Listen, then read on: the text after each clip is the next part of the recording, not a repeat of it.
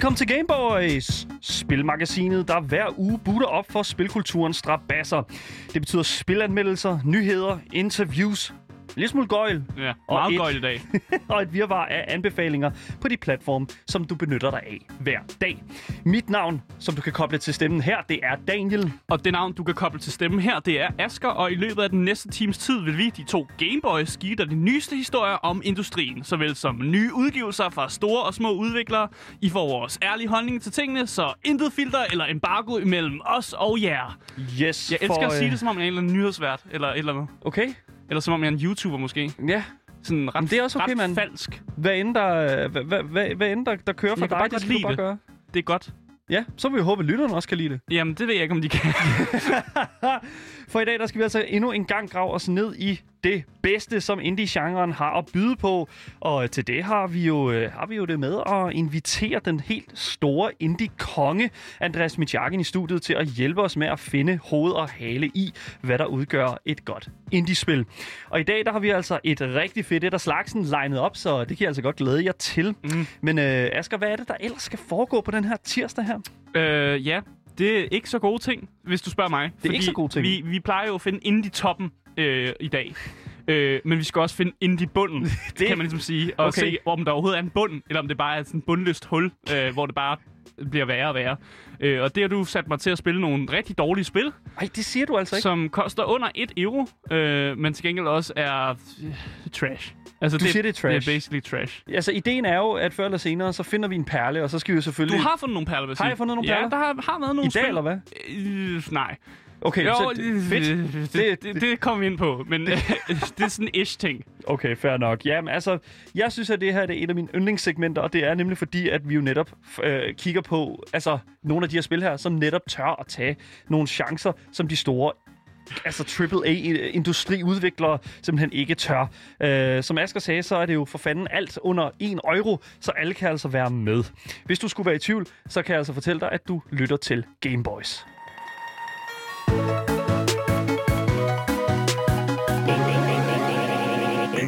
Men vi skal lige ind forbi nyhederne først, fordi at øh, verden den står jo aldrig stille, og specielt ikke i spilindustrien. Den er altid i bevægelse. Øhm, og den første nyhed, som øh, jeg kommer med nu, det er altså en... Øh, altså, det, det er en ret kontroversiel nyhed, vil jeg sige. Fordi, Kontroversiel lige ja, lige pludselig. præcis. Okay. Fordi for mange, så er linjerne imellem de her sådan mange konsoller og øh, udviklere, udgivere, sådan Xbox, Nintendo, Sony. Altså linjerne imellem, altså hvor de stu- slutter og hvor det næste mm. begynder, den er ret så stærkt optegnet. Altså de er virkelig, altså det er concrete walls, der er imellem ja. de her. Altså, der er selvfølgelig en lille smule samarbejde, øh, hvor der er sådan, at vi ligesom ser øh, et, et, hvad, hvad kan man sige, et Microsoft-udviklet spil kommer ud på Nintendo-konsollen. Mm. Det ser vi jo, selvfølgelig gør vi det. Men der er altid et eller andet, hvad kan man sige, så kommer det fra en udvikler, og ikke så meget den anden vej mm. rundt. Men øh, det kan altså være nu, at der bliver brudt lidt med, hvad vi forventer af de her store publisher som Nintendo og Xbox. For Phil Spencer, som er hovedansvarlig for hele Xbox, har altså nu været ude og forklare, at han har selvfølgelig svært ved at se, hvordan at det kan være fordelagtigt at ligesom både øh, hvordan det kan være fordelagtigt at sådan sælge nye spil på sådan en case by case basis. Mm. Altså, det vil så sige selvfølgelig, at øh, det her med sådan at udgive spil både sådan fysisk, men også sådan enkeltvis på andre konsoller, så som for eksempel Skyrim, der, er, der nu er ejet af Microsoft, men altså også øh, er udgivet på Switch. Det her med sådan at lave en enkelt udgivelse her og en enkelt udgivelse der. Sådan, det er en ret bøvlet proces. Mm. Øhm, og her er der altså så en rigtig, rigtig skarp interviewer, som har stillet det spørgsmål fra Game Reactor, om hvorfor at man ikke udbreder den her øh, Xbox Game Pass øh, abonnementservice på andre spillekonsoller. Mm. Fordi teknisk set, så er det jo meget, altså hvad kan man sige, normalt et eller andet sted, som jeg sagde før med Skyrim, at spille et, et spil, altså på mange forskellige Flere konsoller. steder. Ja, lige præcis. Og det er jo faktisk også sådan, at øh, lige præcis Xbox Game Pass jo, de er jo både på PC, men også på Xboxen. Så hvis jeg har et spil, som jeg både har på min PC og øh, Xbox, som er en del af øh, Game Pass, så kan jeg spille begge steder. Øh, og de er også sådan, øh, optimeret sådan, at hvis jeg spiller lidt på min Xbox, så kan den godt finde ud af, at jeg har spillet op til et vist punkt, og så kan jeg fortsætte på min computer, hvis jeg har lyst til det. Ja. Øh, som jeg synes er vildt smart, faktisk. Og det, er jo, og det er jo sådan, som, som Xbox fungerer, i hvert fald langt hen ad vejen med den her sådan cloud saving her. Men under det her interview her, øh, imellem Phil Spencer og Game Reactor, øh, der udtaler Phil Spencer altså, at tanken om at, ud, ligesom at udbrede deres abonnementsservice til andre konsoller end deres egen, ikke er så sikker en opgave. Mm. Øh, fordi han udtaler, at selvom at det er et problem, vil han, altså, eller ikke et problem, men selvom han udtaler, at problematikken ligger sig i, at øh, hvis du skal spille et Xbox-spil, så skal du have den fulde Xbox-oplevelse Mm. øh, i hans egne ord, så er Xbox altså stadigvæk klar på at gå i dialog med Sony og Nintendo. Det er den fulde Xbox-oplevelse. Ja. Hvad fanden skal det betyde? Men det er jo det, du står og snakker om, Asger. Det her med sådan, at det er integreret med øh, Microsoft og Xbox's server og den slags. Og det er altså ikke øh, tilfældet, hvis du spiller på en PlayStation. Øh, spiller, lad os, du spiller et Xbox-spil på en PlayStation, mm. så kører du jo på PlayStation, øh, hvad kan man sige, øh, deres cloud service og deres ja. server og den slags. Men for en Xbox, Mm. så altså, ideen er jo at for at udbrede det hele den her Xbox Game Pass sådan service, så kræver det jo lidt, at at, at Sony er- gerne vil være med, og at de Sony andre... Ja. kan tale pænt sammen med Xbox. at Sony er måske ikke kendt for at tale så godt sammen med nogen. De er meget sådan lidt for sig selv ude på den der ø, øh, Ja. og har de der exclusives, de nu har, som jo faktisk er nogle vildt gode exclusives. Og det er jo det, de lever højt på, kan man sige. Jeg synes bare, det er sådan lidt sådan, altså okay, fair nok, der er, der er, der er simpelthen ikke. Altså, det, han siger, ja, ja, men vi er klar på at gå i dialog. Øh, Men han, er jo også, han har, har han ikke også sagt, at det nye øh, Elder Scrolls måske slet ikke kommer ud på Playstation? men det er så det. på et eller andet tidspunkt har han jo lidt, lidt ja, Jo, fordi... begået krig mod det er Sony. det. Ja. Det er jo det. Og selvom han siger sådan, det er sådan en, det er sådan lidt en offerrolle, føler jeg sådan lidt, at Phil Spencer tager her, fordi det er sådan, jamen altså, vi er klar til at gå i dialog. Og så er det bare sådan, for en måneds tid så er det bare sådan, ja, der kommer øh, det nye næste Elder Scrolls, øh, det kommer ikke ud. Øh, eller kommer på, ikke på ud. Sony. Jesus. øh, på Sonys platform. Ej, og det var jo heller ikke kun Phil Spencer, som, øh, som, som er i den båd. Det er jo, det er jo, det er jo en kæmpe stor corporate øh, altså sådan organisme, som, som har taget den beslutning garanteret. Det er jo ikke kun Phil Spencer, der sidder som hovedansvarlig for Xbox øh, og tager de her beslutninger. Men altså, jeg ser det meget usandsynligt, at de overhovedet går i dialog. Fordi Mm. at, altså, Sony er i gang med at lave deres eget, og altså Nintendo, altså who, knows, hvad Nintendo har gang i. Jeg tror altså, ikke, Nintendo ved, hvad Nintendo laver. men det er også fair nok et eller andet sted. Altså, jeg synes, at, jeg synes, at det er en god idé, fordi at, altså, selvfølgelig er der penge i det. Mm. For Xbox. ja, det, det er jo det. Og det, it's, all about the money, man. ja, Ja. og jeg synes, at det her det er meget sådan, interessant, sådan, fordi at vi har jo snakket om det der med sådan exclusives og sådan. Og jeg tror altså, at, at det her det går stik imod, altså, hvad, hvad Sony har gang i lige nu. Mm. Jeg tror, jeg tvivler simpelthen så, altså, på, at det overhovedet kommer på tale. Altså, og jeg at tror Xbox heller ikke- Game Pass kommer på Sonys konsoller. No fucking way. Ja, jeg tror heller ikke, de kommer til at mødes nu, men det kan være langt ud i fremtiden, at der måske falder lidt ro på. Så kan det være, at de, de mødes over en kop te og lige snakker om mulighederne. Jeg holder ikke vejret. Jeg holder virkelig ikke vejret, Nej. fordi Xbox holder, altså, de holder fast i, at det skal være på deres præmisser. Mm. Og altså, hvis vi skal gå ud i hele den der samtale omkring sådan Spider-Man, og fordi Ja, Sony uha. ejer Spider-Man, ikke? Og Ja. han skulle være med i Marvel-universet, og, sådan, altså, og hele det sådan, Avengers-spillet der, hvordan de bare har holdt kortene så tæt til kroppen i Mm. forhold til Spider-Man. Altså, jeg er ked at sige det, men... Han altså, er jo også deres stærkeste kort, Jamen, kan man det sige. Ja. og det var sådan, hvorfor i al verden skulle de begynde at sælge ud af sig selv på den måde? Mm. No fucking way. Jeg tvivler meget stærkt på det, men de siger, Xbox, Phil Spencers øh, øh, ho- hovedansvarlig for Xbox, siger altså, at de er klar til at gå i dialog, men jeg tvivler.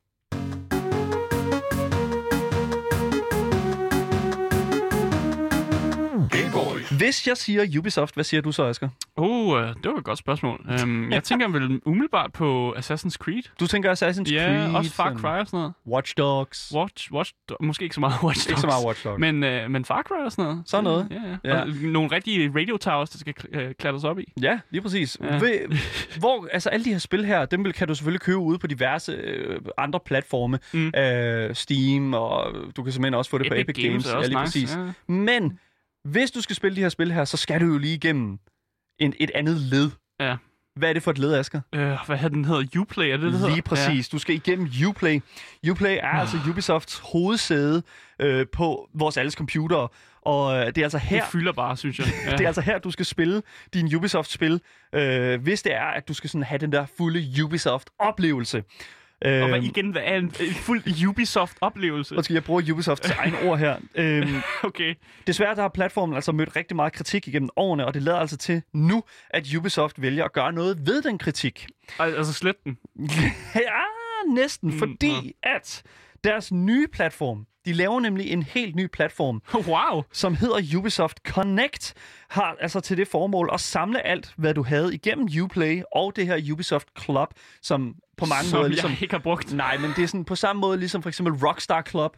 Øh, Ah, ja, som sådan, endnu, måde- øh, endnu en la- Endnu launcher, vi ikke har brug for. Ja. Ja, lige præcis. Øh, nu kondenserer de det hele, øh, og tager simpelthen alt, hvad du ved, alt hvad, du, øh, alt, hvad gameren havde brug for fra de her steder her, og putter det hele sammen øh, i et community hub, som hedder Ubisoft Connect. Den næste generation af gaming står jo lige for døren.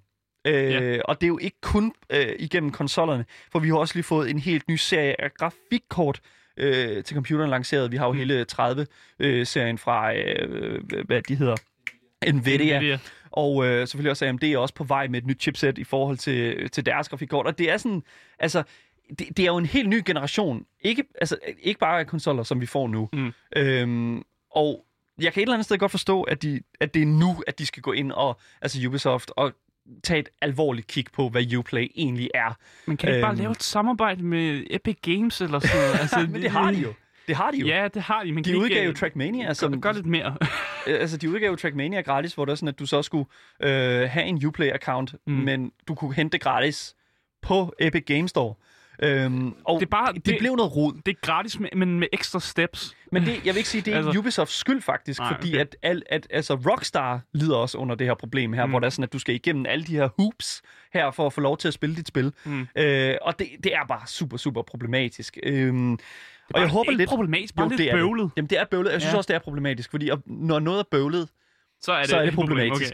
Okay, ja. Øh, I hvert fald i min i optik, og specielt op til en ny generation af gaming, fordi at du netop skal lave alle de her, altså alle de her nye spil kommer ud, Watch Dogs Legions, øh, Assassin's Creed Valhalla, og du har simpelthen også, altså øh, det her nye, øh, hvad hedder det nu, øh, øh, hvad det hedder, øh, Immortals øh, Phoenix Rising hedder det, Ja. øh, som, som jo er på, lige på døren, ikke? lige på trapperne, og så er det jo nødt til ligesom at sige, okay, hvordan kan vi hvordan kan vi gå til den her opgave her og lave en lidt cleanere oplevelse? Mm. Mm. Og vi fik en, en trailer for det, hvor jeg vil sige, at, at det, altså, det er klart den rigtige vej, som Ubisoft skal gå her. Mm. Jeg Mm. siger, det, det er sådan, som, som det skal se ud, synes jeg. Øhm, og altså, for at være helt ærlig, så synes jeg, at det ligner en, en lidt cleanere øh, oplevelse end for eksempel Mm. Uplay. Var noget rod. Jeg sad med Uplay for ikke så lang tid siden og, og, og fumlede lidt rundt omkring. Altså, det er jo bare en ganske almindelig øh, spilbutik, online spilbutik, Mm. men jeg kan bare mærke, at øh, hvis det er, at Uplay skal blive til noget, så skal det også have den der community-del ind over, så det skal. Ja. også være meget mere engaging for brugerne. Og det tror jeg simpelthen, at her den 29. oktober, øh, det får altså Ubi- øh, Ubisoft Det er også der, Watch Dogs kom ud. Lige præcis. Ja. Den 29. oktober, der har du nemlig som øh, forbruger mulighed for at tage del i den her nye tidsalder for Ubisoft. Øh, og jeg er ret spændt på at se, om de kan hamle op med de her titaner, som de stiller sig over for, såsom Steam og, og Epic. Fordi Men... at Epic står virkelig stærkt lige nu. Det du siger, det er så den 29. når jeg skal sidde og spille Watch Dogs, så skal jeg også lige opdatere min Uplay, fordi nu ændrer den form, eller hvad? Ja, Så jeg skal en ekstra lang tid på mit ja. lorte internet, der bliver færdig med at opdatere Uplay, samtidig med, at den skal downloade Watch Dogs. altså, det kommer til at ligne Steam meget på samme måde, vil Det var jeg ikke sige. det, jeg spurgte om Nej, men hvad skal jeg gøre? Hvad skal jeg sige? Du skal, du skal den 29. oktober, jeg skal, skal du opdatere dit Uplay. Ja. Sådan er det, så det er Ubisoft Connect. Men altså, ja. Må ikke, at det Jeg kommer i græder lidt. forbind... Jamen, det synes jeg ikke, du skal gøre, fordi at...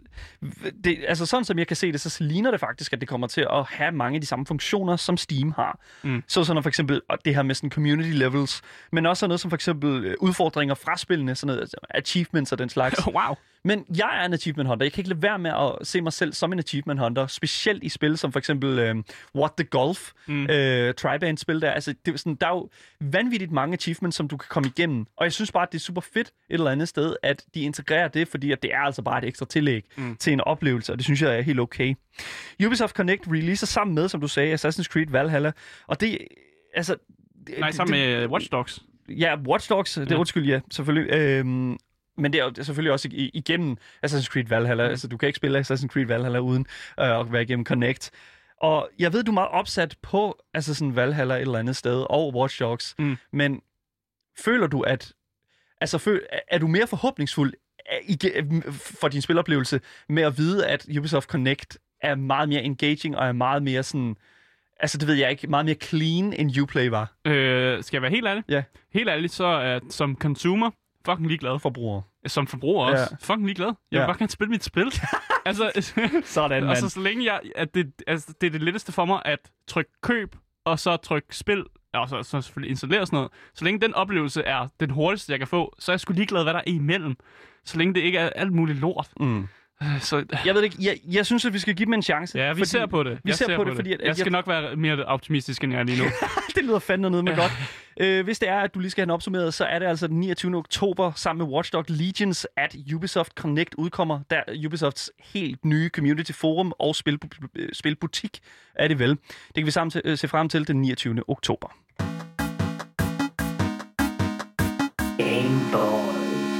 Ja, du lytter til Gameboys her på Loud med mig, Daniel. Og mig, Asker.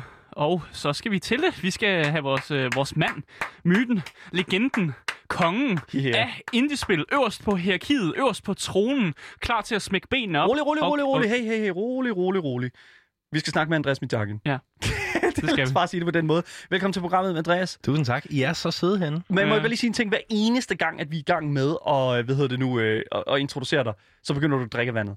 Ja. Og så er vi nødt til at trække den ud til, når du er færdig med at drikke dit vand. Så jeg vil godt fremover lige sige, lad, nej, nu skal du lade være med, at han drikker af vandet igen.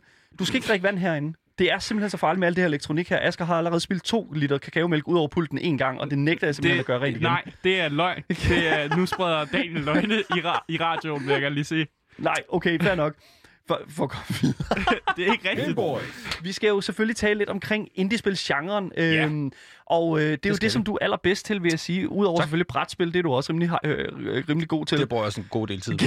Du har jo den der Shelf of Shame, øh, Ja. som, øh, Som jeg er har set. 80 brætspil. Som er den, hvor man ikke spiller brætspil. Men i dag der skal vi altså snakke om indiespil, og øh, indiespil er jo en øh, spilgenre, hvor at vi øh, er nede i de lidt mere lavpraktiske øh, sådan, Ja, øh, altså, hvad kan man sige, kan man være, aspekter altså. af spiludvikling. Ja. Øhm, det er en genre, som tager nogle chancer. Det er nogle, en genre, som ikke nødvendigvis er øh, et, lavet af et hold, der er øh, 50 mennesker, Ej, men helst- måske bare en ikke. enkelt person. Det er i hvert fald Øhm, en god vision imellem holdet for at komme øh, i mål med et eller andet fælles fedt produkt. Ja, og Og- det er, jo, det er jo sådan et eller andet sted, det som vi skal have fat i i dag, fordi ja. Det spil, som vi har fat i her, det er jo i min optik, øh, altså sådan, øh, en af de, sådan, en af de øh, titler, som ligger sig bedst placeret i mm. indie-genren. Sådan Ja. meget minimalistisk, men også virkelig, virkelig sådan engaging. Jeg synes, det her spil, øh, vi skal snakke om i dag, det er et rigtig Asger-spil. Er det der, det? Der er Ja, rigtig det er god energi. Der, Det er det er, der, er, der er nogen, der bliver smadret, og nogle døre, der bliver sparket op. Og det, det er lige det, Asger godt kan lide. Jeg, jeg tror faktisk, at du har meget ret. Mm. Jeg tror faktisk virkelig, du har ret. Men Andreas, hvad er det for et spil, vi skal snakke om? Vi skal snakke om Denatons første spil. Det er Hotline Miami. I'm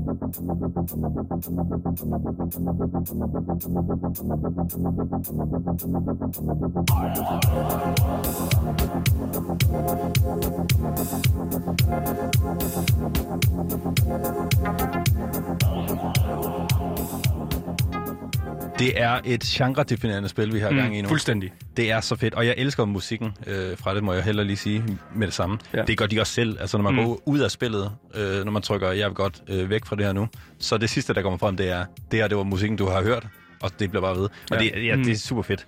Men det er også et, jeg det vil er, næsten sige faktisk, det er et af de bedste soundtracks i, i, i videospil nogensinde. Og det fede er jo, at det er et soundtrack, som er sammensat af en hel masse forskellige øh, tracks fra øh, en, en, en hel masse forskellige artister. Ja. det er ikke et øh, soundtrack, som er lavet direkte til spillet, men mere et soundtrack, som har været inspiration til spillet, mm. føler jeg. Ja, Mere sådan tror jeg, du har mood, moodboard-agtigt, Ja, hvis man ja. kan sige sådan. Mm. Og det kører så i, i, igennem spillet og ligesom sætter øh, den her... Øh, Stemning, genre- ja. Ja, ja, stemningen, ja. Øh, de har den her helt sp- specielle æstetik, som er en, en, en, en stor del af det. Mhm. Øh, Denaton, øh, som, som det jo hedder, er jo bare... Det er to svenske øh, gutter. Mhm. Mhm. Denaton er sat sammen af deres to navne, øh, Dennis og Jonathan. og øh, så kører vi. Fantastisk. Det er jo Og- ligesom, det skal være. Men, men Hotline Miami, Ja. hvad går det ud på? Jamen, øh, øh, ja, lad os, lad os snakke noget gameplay, så kan vi snakke om, om det andet Mm. mm. øh, bagefter. Så øh, vi spiller øh, en gut ved navn Jacket. Mm. Øh, man kender ikke rigtig hans navn, det er bare det, han, han bliver kaldt. Øh, som får nogle mystiske opkald fra en telefon, øh, som er kodet på en eller anden måde. Ja. Øh, hvor han skal tage hen et eller andet sted og nakke en masse folk. Mm. Og det gør man så. Så han er en hitman af en art. Han er en contract killer, kan man sige, uden at rigtig få noget for det. Så gør han det bare. Så, så han tjener ikke penge på at lave de her mor. Øh, nej. Hvordan fanden lever han så? Men det er fordi, de har, de har min klemme. Ja, ja, altså der er en, en meget, meget, Meget meget, dyb meget, meget dyb historie Ja. i uh, Hotline Miami. Jeg tror ikke, vi kommer så meget ind på den i, i dag, for det vil være et program for sig selv. Ja. Men, øh, øh, men han, man får i hvert fald nogle instruktioner via telefon, som man Ja. så skal carry out. Mm. Så man, øh, man hopper ned i sin bil, øh, som ligner en DeLorean lidt. Ja, lige præcis. Mm. Fra Back to the Future. Lige præcis. Ja. Og så kører man over til gerningsstedet. Så tager man sin, øh, Det kommende gerningssted, kan man jo nærmest kalde det, ikke? Ja. Ja. præcis. så tager man sin famøse maske på, og Ja. ja. det er øh, Hotline Miami er meget kendt for de her masker. Det er sådan nogle dyremasker, Ja. øh, som de her, øh, som sætter ham de her beskeder. De, de giver ham også de her masker. Øh, den, den mest kendte maske er den, han får fra starten. Han får at vide, at han skal levere nogle øh, cookies i øh, en boks, som er uden for hans dør. Når han åbner boksen, så er der den her rooster mask, Mm. som er sådan en, en, en, en hane. Øh, og så er der altså ikke nogen kager. Øh, så er der en, en, et, noget instruktion om, at nu skal han ud og nakke en masse folk. Man kan jo sige, at altså, han skal ud og levere nogen form for småkager, kan Ja, man i hvert fald ja, sige. det kan man godt sige. Ikke? Altså, men altså, ja, nej, nej, men altså, fair nok. Altså, Jacket står nu øh, uden for den her, øh, den her bygning her, Yes. øh, med sin maske på. Øh, hvad er det for en opgave, der ligger foran Jeg ham? tænker, der var, at han ringer på døren og giver de her kager, som han nu skulle levere. ikke? Ja, altså mm. opgaven er rimelig simpel. Øh, dræb alt. Nå, Og øh, Ingen kager. Ingen kager. om du gør det med, med kager, øh, eller hvad du, du øh, gør det med, det må du sådan set selv om. Det fede ved, ved spillet her er, at man kan vælge for forskellige masker. Altså ham her, øh, Jackets maske er the, the Rooster Mask, men i, i løbet af spillet kan man ligesom vælge forskellige masker, som man unlocker, og de giver en eller anden øh, power. Mm. For eksempel, øh, så har vi øh, den maske, jeg spiller oftest med, hedder Don Juan. Det er en hestemaske, og den gør, at hvis du åbner døren op i nogen, så dør de bare. Ja. Og det er, en, det er et godt ekstra våben lige at Yes, kunne, kunne smadre den øh, ultimative der. dog hicker. Lige præcis. Og det er jo sådan, altså, men, men kan du også prøve at forklare, fordi nu er vi stadig, vi er stadig uden for døren. Ja, Hvad, ja, ja. hvad fanden sker der så? Jamen, øh, så finder vi våbnet frem, øh, hvis vi har et våben. Nogle Ja. gange har man ikke noget øh, våben. Øh, så smadrer man bare døren op, og så går man ellers amok. Du kan skyde på øh, venstre klik, og så kan du smide dit våben på højre klik, ja. og så kan du kigge lidt rundt på shift. Ja. Og det er pretty much din... Altså, det er så simpelt, som det kan være. Og det, øh, det der er så virkelig smukt ved Hotline Miami, det er, det bare, det flyder bare.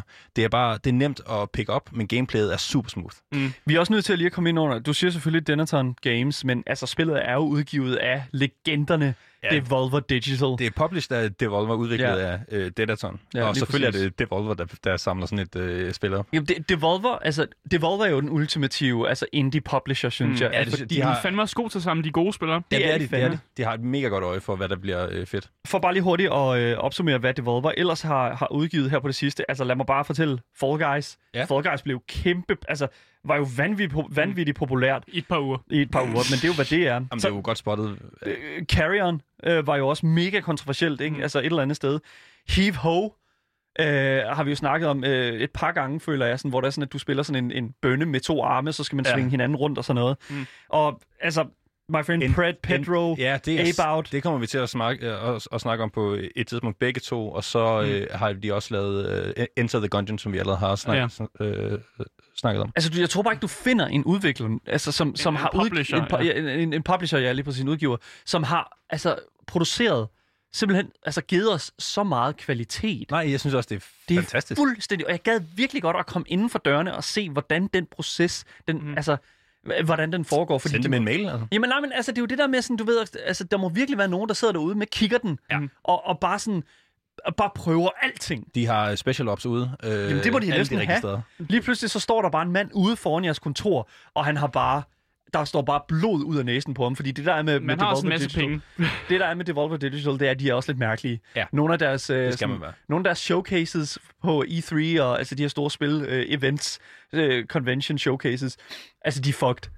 Altså det er sådan noget med, at de står sådan og laver en 15 minutter lang rant, hvor at hun sådan 10 minutter inden bare begynder at styrte blod ud af næsen og sådan noget med, øh, og det er sådan noget med, at øh, der kommer en mand ind og bare altså f- smadrer et, altså det er sådan Eric Andre show lidt, mm. øh, hvor der er sådan, at det er sådan fuldstændig, alle er forvirret, og det er bare sådan, det der, Det er... det er indbegrebet af indie-genren. Fordi at, hvis det er, at du skal have en udvikler, der, der, der, eller ikke en udvikler, men en udgiver, som skal udgive indie-spil, der som er en genre, der tør tage chancer, så skal de også være en udgiver, der tør tage chancer. Ja. Og hold nu kæft, mand. Mm, hvis, det det kan de er, godt. hvis det er, man er interesseret i at se en, bare nogle af de her sådan, showcases fra Devolver Digital, så gå ind på YouTube, skriv Devolver Digital Showcase, øh, altså sådan øh, conference showcase, og så se noget af det. Altså, det er fuldstændig vanvittigt noget af det, de har produceret. Ja. Altså, det er sindssygt. Nu synes jeg lige, vi kom væk fra Hotline Miami. Ja, nej, og fordi meget man skal jo se, hvad for, nogle, altså, hvad for nogle, en baggrund det kommer fra. Og Hotline Miami ringer rigtig meget af den altså, mm. Det gør sige, æstetik der. Den der sådan meget sådan, øh, altså, grænseoverskridende. Fordi det er virkelig, altså det skal også lige siges, at jo, at Hotline Miami er et meget blodigt spil. ekstremt voldeligt og meget, meget blodigt. Lige præcis. Og det er jo øh, pixel art, man ser det op fra, Ja. øh, men alligevel så formår de at lave grafikken på en måde, som man virkelig, altså det er virkelig øh, gory, der er masser af blod og indvold og alt muligt over. Hjernemasse og sådan Over noget. det hele. Ja. det er fedt. De har lavet det så godt. Det er sådan en rigtig Asger-spil, ja, som jeg altså, sagde i starten. med musikken på, og så, altså, så er der jo øh, ret høj fart, og så, så flyver du bare ind med, jern, med et eller andet jernrør eller en kniv eller et eller andet i, i, i hånden, og så Ja. går du amok. Mm. Ja. Øh, du kan tage deres våben, øh, du kan gå, hvad hedder det, ja, du kan skyde med projektiler, eller du kan være sådan lidt mere subtle og, og, og øh, hvad hedder det, skære halsen over på dem, mm. eller et eller andet. Mm. Øh, men det er altså alle sammen sådan nogle Russian operatives, eller sådan nogle, det er sådan en uh, Russian mafia, man prøver at tage ned. Mm. Det, altså det, jeg synes er fedt, det er det strategiske element i det her spil. Fordi det er sådan lidt, lidt mærkeligt. Fordi man bliver lidt belønnet for at slå hjernen fra. Ja. Og det er jo perfekt, når man er mig, Ja. som elsker at slå hjernen fra. Så det der med at bare løbe ind og ikke tænke sig om, men bare gøre nogle ting, og, og så se, hvad der lander og hvad der ikke lander. Det er fuld Det er jo det, man bliver belønnet for, og man får faktisk combos, og det er også noget, spillet ja. Fortæller dig. Der fortæller dig, altså jo mere du bare gør nogle ting, jo man flere nemlig- combos får du, og jo flere point får du. Man får sådan en karakter til allersidst, og hvis du bare er gået hjernedød a- amok, så får du en højere karakter, end hvis du lige mm. står og, og venter lidt. Øh, og du bliver heller ikke belønnet for at vente lidt, fordi lige, pl- lige pludselig så kommer der bare et par stykker bagfra og, Ja, og skyder ja præcis. Der- De kommer der på et eller andet tidspunkt, så man kan lige så godt bare blive med at løbe, og så må man jo altså, tage de våben, man får, og så ellers kaste med noget, hvis man, der er nogen langt væk og sådan noget. Og jeg synes bare, det er vildt fedt, den strategi med, at det er sådan, Nå, jamen, jeg, bliver, jeg skal ikke tænke mig om. Jeg skal fucking bare smadre.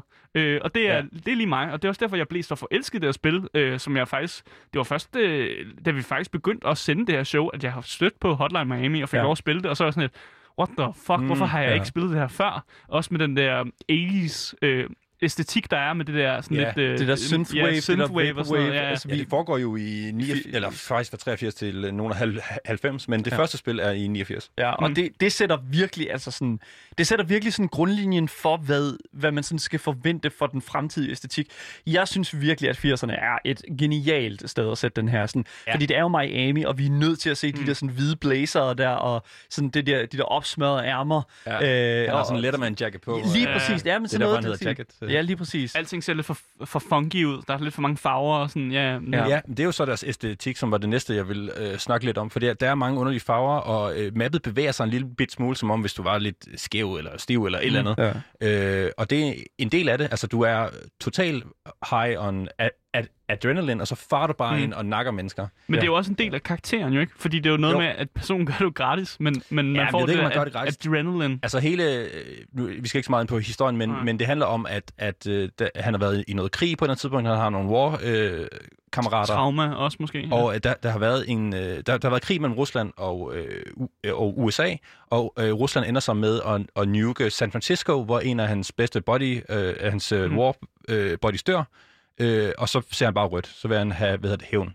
Og der er så kommet den her Russian American Coalition, som er sådan et, et samarbejde for, at de skal stoppe øh, øh, krigen. Mm. Øh, og så er der så en anden faction, som hedder øh, 50 Blessings, som er sådan en patriotic American Ja. øh, øh, ting, og det, som, som så øh, hvad hedder det, gerne vil have, at øh, russerne de skal ud. Så lige så snart der er nogen, der ringer til ham og siger, at du skal nok nogle russere, så er han bare klar. Han vil bare gerne Han vil, bare gerne russer, have, han vil bare gerne have hævn over, at de har taget øh, hans ven frem. Mm.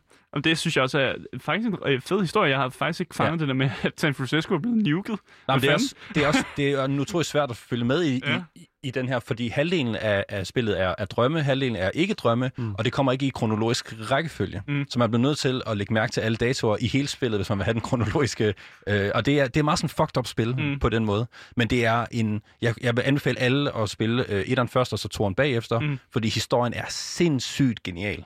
Den er mega, mega fed. Så her, okay, unpopular opinion Ja. øh, nej. al- alert, der kommer her. Øh, jeg synes faktisk, at toren er et væsentligt sværere spil end etteren. Er sværere eller sværere? Sværere. Ja. Som altså i, ikke bedre. ikke, ikke, Sådan er det jo ikke ofte. up to par. med øh, to år. Jeg tænker også, de lavede etteren, fordi de havde hele den her historie, de ville Ja. ja. lave, og så har de givet os lidt af den. Og så Mm. har de tænkt, der er en masse bagved, men det, Mm. det behøver man ikke vide. Nej. Så elskede folk etteren, og så tænkte de, "Nå, men så må vi jo udvide. Så øh, ligesom det er med alle mulige øh, andre film, så får man introduceret alt det her super seje i, øh, i etteren, hvor man tænker, det er, det er mega fedt. Mm. Og så kommer det samme igen. Det har ikke ændret så meget i toeren, bortset fra, at du bare får historien. Mm. Og for mange, for eksempel Asger, er jeg sikker på, at historien er ikke det vigtigste i det spil. Nope. det, det betyder ikke en skid. Jeg På kan bare godt lide at smadre På ting. den Ja. måde, så bliver man tvunget igennem en, en masse historiemæssigt, som man måske ikke er så interesseret i, og derfor bliver det et svagere spil.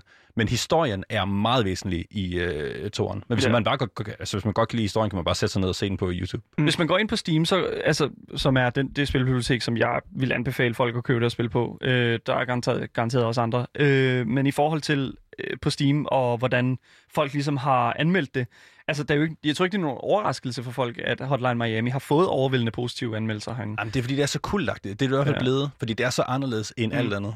Men der er faktisk folk, altså, som st- stiller kritikpunkter op. Øh, og det er sådan lidt sjovt, fordi at jeg føler sådan lidt, at... Fordi meget af det kritik, der kommer, det er, at, at, at, at der er mange, der synes, at det her med combaten er meget sådan ensformigt. Det er meget stale. Mhm. At når du har, ligesom har styr på combat, så forandrer det sig ikke som sådan, udover at hvis du tager en anden maske på. Mm. Øh, men der vil jeg bare sige sådan et eller andet sted, at at det er også en lille smule, fordi jeg synes, at jeg synes Hotline Miami tillader dig at være kreativ med den måde, du tilgår en, en, Ja. en situation Jeg er virkelig glad for, at du bruger ordet kreativ, fordi det er, det er virkelig det, spillet er. Du, Mm. mm. du unlocker et væld af, af, af våben, og du kan, du kan tilgå den her...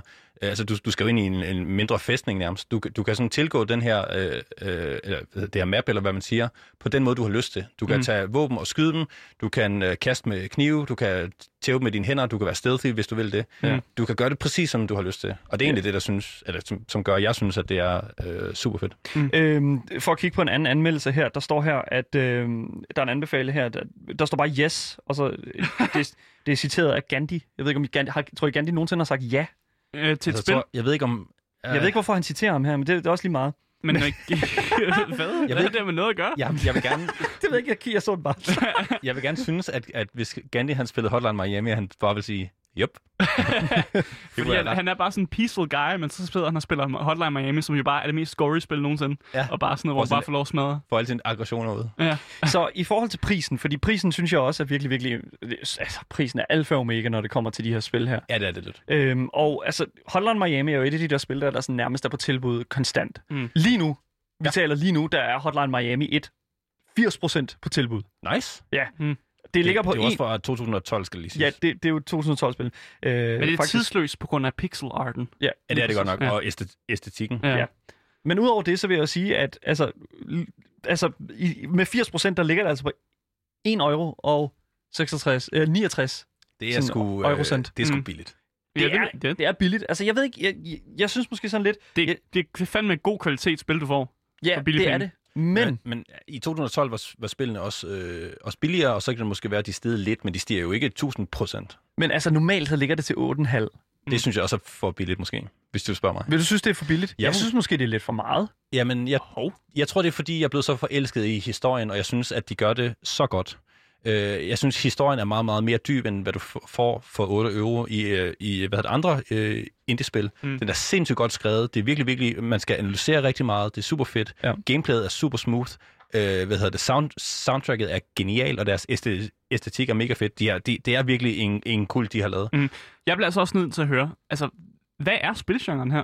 Hvad, hvad Jamen, den er definerer vi spillet som? Den er, den er genre-definerende, vil jeg sige. Og, og grunden til, at jeg egentlig snakkede om Hotline Miami i dag, er, fordi jeg vil, anle- jeg vil gerne anbefale et andet spil, Mm. som, som har genren ligesom at være, altså, være ligesom Hotline Mi- Miami. Så det er ligesom, når man siger roguelike og sådan noget. Ja, Eller så- eller så når er man bruger hot- souls-like. Ja, præcis. Ja. Så vil jeg meget gerne sige det, og jeg ved ikke. Det er Hot- hot, hotline-like. Ja, Jeg ved ja ikke. det ikke. Det, det må vi lige finde ud af. Det er en hot like her, oh my god. Men, det, Men- det er noget for sig selv. Ja, det, Ja. det er det. Det er noget for sig selv, og det er noget, man skal prøve. Det ligger på Steam lige nu. Øh, normal pris er altså 8,5 euro. Øh, hvis det er, at du er super hurtig at høre med live, så har du altså stadig lige tre timer med øh, det her øh, Så, skal du, så er det nu. tilbud. Men jeg vil altså lige våge påstå, at det her spil her, det er nærmest konstant på tilbud. Øh, du kan ikke få det til fuld pris, tror jeg. Det Nej. vil næsten være kriminelt et eller andet sted. Øh, men det er super godt. Du kan også godt købe bundled, øh, øh, et bundle, øh, som lige nu ligger på 8 euro Det var begge to, eller hvad? hvor får du begge to plus Okay. soundtracks, og det er Okay. altså et sindssygt godt soundtrack. Sindssygt godt soundtrack. Ja, lige præcis. Så helt Men klart. altså, spil etteren for spillet, toeren for hi- historien. Ja, lige præcis. Så I har hørt det her fra Hotline Miami 1 og 2. Ganske, ganske glimrende spil. Game Boys. Ja, du lytter til Gameboys med mig, Asker. Og mig, Daniel. Så er det tid. Så er det tid, tid, tid. Tid, Gameboys. ja, Tid, tid. tid til Asker spiller spil, også kendt som AS. Hvorfor det? Lad nu være med at kalde det as. Men er det, det, as? Det, er- det, er- hvis du får lov at, at psykologisk torturere mig, så får jeg også lov at navngive det her som AS. Og sådan er det. Okay. Øh, og det er det her lille segment her, vi laver, hvor vi kigger på noget af det værste, som indie-markedet har at byde på. Fordi nu har vi lige snakket om noget af det bedste, og nu tager vi noget af det værste. jeg, synes, øh, det er, jeg synes, det er groft. Nogle gange, synes du, det er groft? Jeg synes, det er groft, at du bliver ved med at sætte mig tre dårlige spil om ugen, som jeg skal spille, og derfor kommer en anmeldelse af. Men det er jo, det er jo lige meget. Det er sådan det, man kan- Det er sådan, showet er. Definere det som gaming, gamer cutting, vil jeg sige. Ja, men det, det, er jo, det er jo bare den del, hvor du giver, øh, udøver psykologisk tortur mod mig synes øh, ved du? at sende de her spil. Og så i den her uge, der gjorde det faktisk med ordene. Det er faktisk nogle ret gode den her gang. Nej. Og det, det er bare det eneste, jeg har at sige. Nej, Daniel. Det er Men- faktisk ikke nogle rigtig gode den her gang. Man skal huske at stille det spørgsmål, hvem er de gode for? De, de er gode for publikum og gode for jer to, så I kan stå og grine af mig i studiet og klaske jer på lårene. og tænke, hej, hvor er det sjovt, at Altså- skal have det nede. Jeg, jeg er super tilfreds, altså et eller andet sted. Ja, du bruger også kun under 1 euro, og det er også vigtigt at nævne, at alle de her spil koster under 1 euro, og er ofte sådan, åh, du kan købe dem for 10 cent. Altså, hvad hedder det, når det er en euro kort over? Eurocent, Eurocent, er det det, der hedder? tror jeg. ja, det er det, du kan få det for. Men altså, jeg synes, vi skal, jeg synes, vi skal gå ned Ja, i det første. hoppe ind i det, det aller, aller første spil her, som, som jeg rent faktisk... Altså, det er jo det, jeg startede ud med at finde til dig, tror jeg, vi nok. Ja. Hvor at, at jeg virkelig var sådan tænkt, wow, det her det er sådan... Det, det her, det er jo sådan lige noget for dig Ja, andet et sted. early access lortespil. Hvad, hvad er problemet med det? Nej, men det, jeg skulle bare lige nævne det, at det var early access, og det samtidig er et, et, et dårligt spil. Øh, men det første spil her, øh, der er på listen, det er det spil, der hedder Driftway. Øh, ja, Damn! ja, Så vi sidder og kigger på øh, traileren her på Steam lige nu for Driftway. ja. Asger, øh, Det første, jeg ser med traileren, ikke, det er, at han kører ufatteligt lige. Øh, når, når man spiller det her spil, så vil jeg gerne lige nævne, det er stort set umuligt at køre lige. Øh, fordi den bil, man, man skal styre, øh, den, er, er, den er fuldstændig ustyrlig. Good. Altså, man kan vælge, nej, man kan vælge mellem tre forskellige biler, og jeg prøvede lige dem alle sammen for at finde ud af, okay, hvad er forskellen her? Jeg kunne ikke mærke en forskel på nogle af de her biler. Det var lige meget, om jeg kørte den der muskelbil, eller om jeg kørte sådan en rigtig sådan drifterbil. Altså, det var lige meget. Øh, de var usvær, utrolig svære at styre, om, om det så var den ene eller den anden, øh, man, man skulle styre. Det andet problem med det her spil, det er, at man ikke får noget at vide.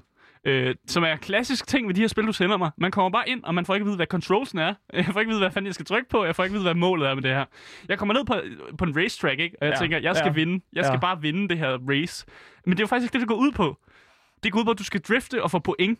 Og så jo længere du har dine drifts, jo flere point får du. Ja. Og i starten der tænkte jeg, at jeg skal vinde løbet.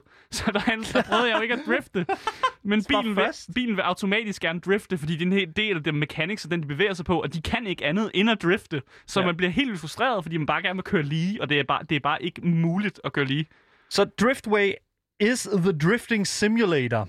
Hvis du elsker biler, motorer og drifting, så er det her spil lige noget for dig, og det, nu læser jeg op om spillet. Øh, dit øh, hvad kan man sige, job øh, i det her spil her er ligesom at mestre den her art af at drifte. Mm. Øh, så skal du ligesom øh, lære at gå ind i de her turns, og øh, så skal du selvfølgelig øh, hvad kan man sige, overvinde dine modstandere. Mm. For at gå lige hurtigt igennem de her features i spillene, og nu, nu lister jeg lige dem alle sammen op, og så kan du lige hurtigt bagefter, Asger, Og fortæl, hvor mange af dem, der er forkerte. Ja, okay, ja, lige præcis. Så feature nummer et, unique car driving system. Ja, det, ja det, det, er jo det er rigtigt, vil jeg sige. Super. Det er fandme unikt dårligt. Transmission system og speedo- speedometer Ja. en kilometer øh, altså, i timen øh, til Ja, bilen. Jamen, det har det nede i hjørnet. Der er sådan en, der viser, hvor hurtigt du kører. Det er den pis lige meget. Så allerede sige, indtil videre er det, er det korrekt. øh, Ja, Big track. ja. Kæmpe ja, track. Ja, der er et stort track. Ja. nu det er sådan så at sige, fucking vand er vådt. Altså, det, hvad, Så, øh, det er jo ikke forkert, det her. så okay, så øh, clever AI. Nej, nej, nej, nej det, nej, det er ikke rigtigt. Det vil jeg ikke sige overhovedet rigtigt. Øh, der er de her biler, der kører midter, men de skøjter også bare rundt, og, og de er meget samlet sådan et sted, så der er sådan tre biler, der skøjter rundt nede i hjørnet et eller andet sted. Så clever AI, nej, den, den, den får altså ikke et pas for mig. Obstacles on the track. Ja, det er der, men de forsvinder ret hurtigt, fordi AI'en kører ind i det. så, så, så, så, øh, Okay, fair Ja. nok. Så står der her, the behavior of the machine is close to reality.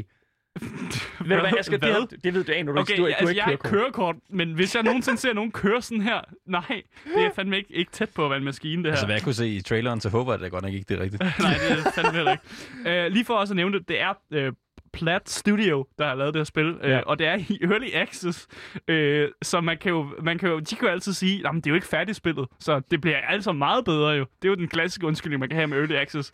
Uh, men udgangspunktet, vi er i lige her, uh, der må jeg sige, det, det, det er sgu ikke særlig godt. Uh, man føler, at man er ude af kontrol, uh, og jeg var faktisk også i tvivl om, at jeg overhovedet havde en bremseknap. Uh, eller om bare ikke Hvad skal du bruge den til? Du er drifter, Asger. Du skal bare frem, jo. Jamen, hvis man skal drift, skal man jo sådan bremse, trække håndbremsen, ikke? Og, og få driftet rundt. Men jeg ved ikke, om der er nu... Altså, jeg prøvede space og tilbage og sådan noget, men jeg ved ikke, om det er, fordi den ikke virker, eller om for- fordi den ikke bremser særlig meget, eller om det, der bare ikke findes en bremseknap. Fordi der er jo ikke nogen, der fortæller mig, at der er en bremseknap eller ej. Du skal jo fremad, Asger. Du skal bare frem, jo. Det er ja, lige meget. Men, altså, bare Men- giv mig en controls option, eller fortæl mig, hvad foregår. Så Plat Studio har simpelthen formået at lave, øh, har, har simpelthen formået at lave, hvad er det, ni spil, jeg ser her? Wow, okay, øh, ni spil, otte spil. Øh, og, jo, otte spil.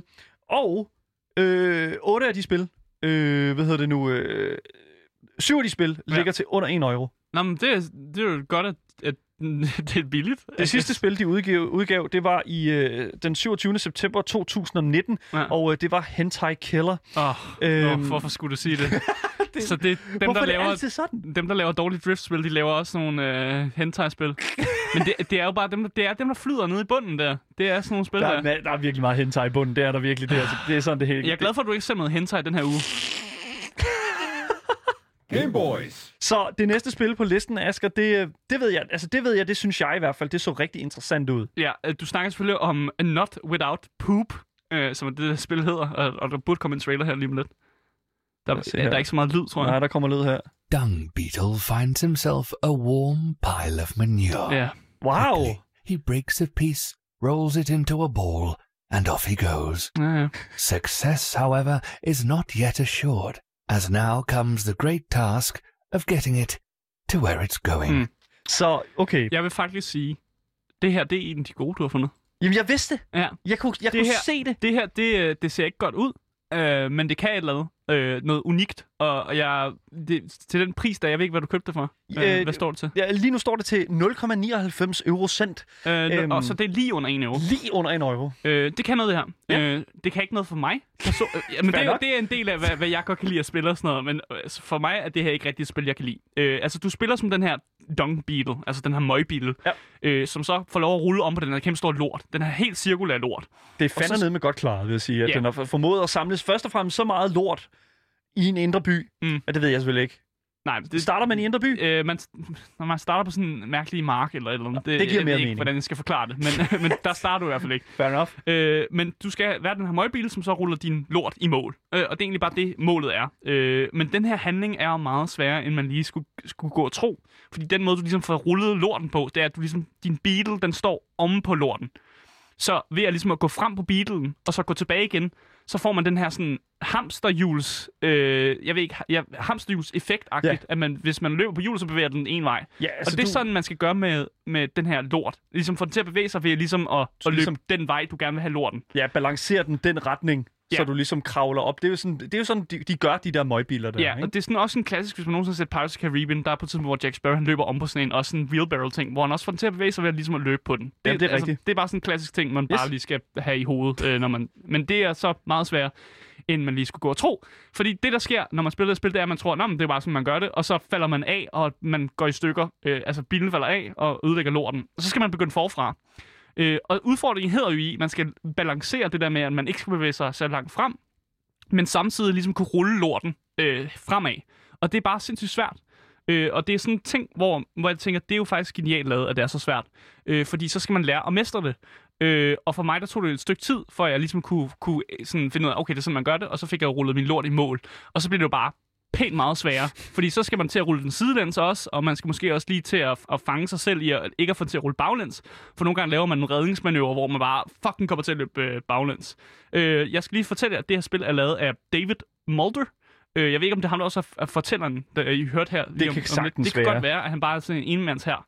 Øh, men jeg synes faktisk, at det, er- at det er et spil, der godt kunne fungere for nogle folk, der måske er sådan nogle, der virkelig går dybt ned i sådan teknik og mestre et spil.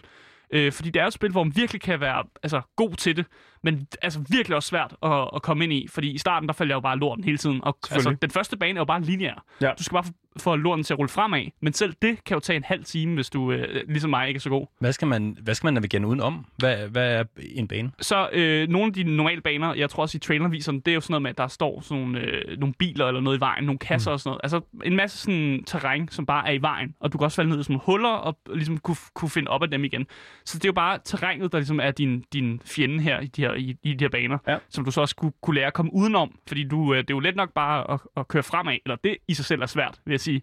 Øh, men så at kunne køre sidelæns og køre skråt, og så forhindre, at du ikke vælter ind i noget og sådan noget, det er jo en fucking kunst i sig selv, vil jeg sige. Så Not Without, uh, Not Without My Poop er navnet på det spil, som vi står og snakker om lige Ja. nu. Og øh, jeg vil bare lige øh, pointere øh, over for jer alle sammen, at mm. Not øh, Without My Poop har 69 anmeldelser. Så- 69 anmeldelser? 69 Som er anmeldelser. gode, eller hvad? Øh, flest positive står der. Okay. Øh, den allerhøjeste øh, hvad kan man sige, anmeldelse på Steam, øh, det er simpelthen øh, I'm So Lonely. Øh, Okay. og jeg ved ikke, er der noget i spillet, der sådan prompter den? Øh, jeg tænker, det er jo fordi, at han er så ked af det og ensom, at han har brugt så mange timer i spillet på at mestre det. Fordi det, det tager fucking lang tid at, at virkelig at lære, hvordan man bevæger den her dongbeagle om på den her lort. Øh, og det, det er, ja, det er, det er faktisk et godt spil, bare på grund af, at det er sådan et øh, virkelig fokusspil. Du skal fandme have fokus, og du skal fandme være i det. Okay. Og det er derfor, det ikke er et Asger-spil. For jeg kan ikke lide at have fokus. Jeg vil bare gerne fremad. Øh, og det er jo det, den, sådan, den punisher. Øh, og den er, det er virkelig punishing spil. Du kan være noget rigtig lang i en bane, og så falde af. Og så er det bare, så skal du på ny. Så er det forfra for satan. Fair enough. Game, game, game, game, game, game boys. Det næste spil, som øh, vi har, øh, jeg har fået øh, Asger til at spille og mm. bringe frem i dag, det er altså et spil, som, øh, som, som jeg faktisk synes så en lille smule interessant ud. Fordi mm. at jeg synes, specielt inden corona, der var det her, øh, specielt også under corona, det er sådan faktisk konstant, mm. så er det, øh, det her spil her faktisk med til at simulere noget af min altså, allerstørste øh, irritation overhovedet i hele, altså, hele min eksistens. Ja, for det sidste spil, øh, vi skal snakke om her, det er et spil, der hedder Crowd Simulator. Øh, der kommer en trailer her lige om lidt. What the fuck er Ja. det her, Asger? Så det her er øh, et, jeg vil kaste, kalde det næsten artsy-spil, Okay. faktisk. Det prøver mere at være kunst, end det prøver at være et spil. Øh, på en eller anden mærkelig måde. Men øh, det er også lavet af to, der hedder Sang Fan og Shen Yahweh. Ja. Så det er øh, to asiater, formoder jeg. Øh, jeg prøver ikke at... Jeg tror, du gætter rigtigt. Ja, Jeg tror, du gætter rigtigt. formoder jeg. Ja. Øh, og det, det, det er lidt svært at forklare. Altså, du spiller en tændstiksmand med, med lidt fylde. Så det er en tændstiksmand med lidt fylde på sig. Som på en Hvad eller skal det anden... betyde, Asger? Ja, det er fordi, han, han er ikke bare, du ved, lavet af, af skin og ben. Hvad mener Han, du? han, er, han har lidt fylde på sig. Han, jeg vil ikke sige, at han er... Siger du, han er tyk? Nej, det, jeg, han er bare lidt... Han, han giver sig godt ud. Okay. Han har fået noget godt mad. Ja. Øh, og så skal du på en eller anden måde kæmpe dig, enten sådan kæmpe mod et crowd, eller kæmpe dig igennem et crowd på en måde. Det er derfor, det hedder Crowd Simulator, går jeg ud fra. Ja. Øh, og det giver jo den her følelse af at være lidt artsy, fordi de mange banerne, det er sådan noget med, at man, man, at der er det her crowd, der løber et eller andet sted hen, og så skal du sådan prøve at wiggle dig igennem. Øh, og, og det er bare lidt svært øh, at have med at gøre, fordi der er ikke rigtig nogen... Øh, der er ikke noget, du kan gøre andet end at bevæge dig. Øh, du har et hop i hver bane. Et Ja. hop. Et hop? Ja, et hop. Du, har, du kan trykke space en gang og lave et hop, og så må du ikke hoppe mere. Øh, og det skal, du, det skal du være god til at bruge, det her ene hop. Øh, ellers så kan du også tage fat i nogle ting. Du kan ikke tage fat i menneskerne. Du kan Mm. tage fat i sådan objekter nogle gange og prøve at svinge rundt med dem. Øh, men ellers skal du bare sådan master igennem. Og det er meget sådan, man står og, og, og sådan virkelig sådan button masher nogle ting for ligesom, at prøve at wiggle sig igennem. Øh, den, for eksempel den første bane, så skal du komme ind i en elevator, som er mega overcrowded, og man kan ikke komme derind. Nej. Øh, og grunden til, at man vinder de her spil, det er, at man er mega heldig, og man bare får bot, button mashet rigtig godt. Øh, jeg tror, vi, der er virkelig ikke en taktik i det her. Det er virkelig bare, gå, bare give den gas Men- med det der button mashing. Altså, jeg, grunden til, at jeg faktisk sendte det her sted her, det er netop fordi, at jeg faktisk synes, at det, øh, du sagde det sådan, du, du brugte ordet artsy. Ja. Øh, og altså, jeg ved ikke, for det første navnet Crowd Simulator, mm. altså jeg synes, øh, jeg synes præmissen et eller andet sted er sindssygt interessant. Jeg synes også, at præmissen er sindssygt interessant, og det er også derfor, jeg kalder det meget artsy. Ja. Men udførelsen er, øh, er tvivlsom, vil jeg sige. Okay. Jeg føler, at jeg bliver meget frustreret. Øh, Er fordi, en, men jeg vil sige, er det en spilting, eller er det en Asger-ting? jeg ved det ikke. Jeg, jeg tror, det er lidt begge dele. Øh, og nu skal jeg prøve at forklare det. Okay. Det er fordi, for eksempel med elevatoren, første bane. Øh, det lykkes dig at komme ind i elevatoren, og du vinder. Øh, men den følelse, man får, som jo normalt vil være en forløsning af en art, for at man klarede det, er stadig en eller anden frustration, som bare bliver i mig. Øh, den fortsætter med at være der, fordi jeg føler mig stadig klaustrofobisk, fordi jeg stadig er mellem de her mennesker, og jeg har lige siddet og fucking ødelagt mine fingre for at komme ind, ikke? Ja. Og så vil jeg bare, næste bane, der fortsætter bare. Der er der endnu en gang, hvor jeg skal klemme mig ud af et eller andet, eller klemme mig igennem et eller andet. Altså, jeg ved, at den næste bane er værre end den forrige på en eller anden måde. Og det er ikke fedt. Jeg føler ikke, at det er en sværhedsgradtid, fordi at første bane er svær nok i sig selv, som tredje bane, eller fjerde bane, eller femte bane, de er alle sammen svære på hver deres måde. Og derfor er det, det er ikke den samme måde, som man måske en puzzlespil fungerer, hvor det er sådan sværhedsgraden er let i starten, og så bliver det gradvist sværere. Her er det bare sådan, jeg aner ikke, hvad der er på den anden side af, af at jeg har lavet levelet. Øh, og det er sådan frustration og, og sådan, øh, en sådan ulækkerhed på en eller anden måde, Ja. som jeg ikke kan lide. Øh, og det gør det ikke bedre med, at, at, at det er sådan lidt... Det, altså, det er sådan et sort spil. Ja. Alle andre er, er de her tændstiksmænd, de er hvide, og du er sort. Så jeg, prøver, jeg tror, de prøver at fortælle lidt andet med, at man, man går imod strømmen eller sådan noget. Du, du, du er det- skiller dig ud på en er måde, det ikke? sorte form, men stadig føles det også som om, man, når man skal til at tog, som er et level, at man også bare er en del af man er en del af alle de Massen. her, af massen. Ja. Ja. Øh, og jeg tror også, man får en ach- achievement, der er sådan sardiner i, i, Ja. i ja, Ja, ja, det er præcis. Jeg er fisk i en tønde. fisk i en tønde. Ja. Ja. Øh, og det føles bare som om, okay, oh, fedt. Nu er jeg, jeg, er bare, jeg er bare en del af det her. Så... Det er sådan virkelig, jeg får sved i håndflader. Du får sved i jeg håndflader? Jeg tænkte, jeg, den, det, jeg forbinder det med, det er det spil, der hedder Getting Over It, hvor jeg virkelig også havde... Bennett Foddy. Ja, hvor jeg virkelig også har svedige håndflader, og sådan, der prøver han jo også at være mega artsy og sådan noget, og han prøver at fortælle et eller andet om, mm. om samfundet eller sådan noget, ikke? Og det samme med det her, det prøver at fortælle et eller andet, men jeg er bare for frustreret og, og for, har det ikke særlig godt med det, at jeg, det, det går over mit hoved, øh, og, og bliver ikke så glad for det. Øh, og det her også med, der, det, der er ikke nogen skill forbundet med det rigtigt. Det er mere sådan, du skal være heldig, og du skal bare trykke hårdt nok, øh, og, og få viklet dig rigtigt igennem. Øh, og det synes jeg bare ikke er et godt spil. Øh, Men det, altså, det er jo også defineret som et eller andet sted et puzzle game, vil jeg sige. Og, I- altså, men er det ja. mere sådan et puzzle game, hvor der er sådan et, fordi puzzle games er jo meget sådan, er det trial by error, eller er det bare fucking... Øh, det er ikke et puzzlespil. det er ikke et puzzlespil. Nej, jeg kan se, man kan altid se mål på en eller anden måde. Man skal mm. bare komme derhen, og det er jo bare altså, wiggle dig igennem nogle ting. Og ja. derfor vil jeg sige, at det ikke er et puzzlespil, for der er ikke nogen ikke defineret vej til, hvordan du skal gøre det. Du skal bare, bare hoppe ind, og så bare prøve at fucking få, få dig igennem, ikke? Men og derfor er det ikke et puzzlespil, i Så- min optik. På Steam, der ligger Crowd Simulator altså til en pris på 0,79 eurocent. Ja. Øhm, vil du sige, at det er prisen værd? Nej, men det er også... Det, jeg føler ikke, du skal se det her som et spil. Du skal se det som Okay. okay. et stykke kunst. Et interaktivt kunst. Ja, på en eller anden mærkelig Okay. måde. Øh, og, og hvis jeg så det her i, på et museum faktisk, kunne det være interessant. Men det hører ikke til i, på en computer. Det hører ikke til hjemme, øh, sådan, hvor man sidder for sig selv, og man skal prøve et spil. Og det er sådan lidt en mærkelig oplevelse, som jeg ikke har haft med så mange videospil. Så jeg, øh, på en eller anden måde er jeg glad for, at jeg har fået det her sendt, så jeg kunne prøve det her lidt mær- mærkelige til, altså, måde at spille spil på. Det interesserer mig jo helt vildt, at det er sådan lidt uh, artsy, når ja, fordi jeg inden for. Indien. Ja, lige præcis. Det ser helt vildt fedt ud, men har, den, har det et eller andet budskab, som de gerne vil convey? Eller er det bare et spil, der ser artsy ud, men ikke er det? Jeg tror, det har sådan en, en, en beskrivelse af, at altså, du går med strømmen nogle gange, men så går du også mod strømmen. Og jeg tror egentlig, det var det, den prøver at convey på en eller anden mærkelig måde. Øh, man kan ligesom selv tænke sig til, hvad fanden der foregår her. That's deep, Øh, man. Så, Ja. Så for at opsummere øh, de spil, som vi har haft på her, Drift Way, vi har Not Without My Poop, og så selvfølgelig Crowd Simulator. Ja. Øh, hvilke, af de her spil, hvilket et af de her spil her vil du anbefale vores lyttere? Øh, not without my poop, vil jeg sige. Sådan. Ja. I har fået det herfra. Vi er ved at løbe tør for tid.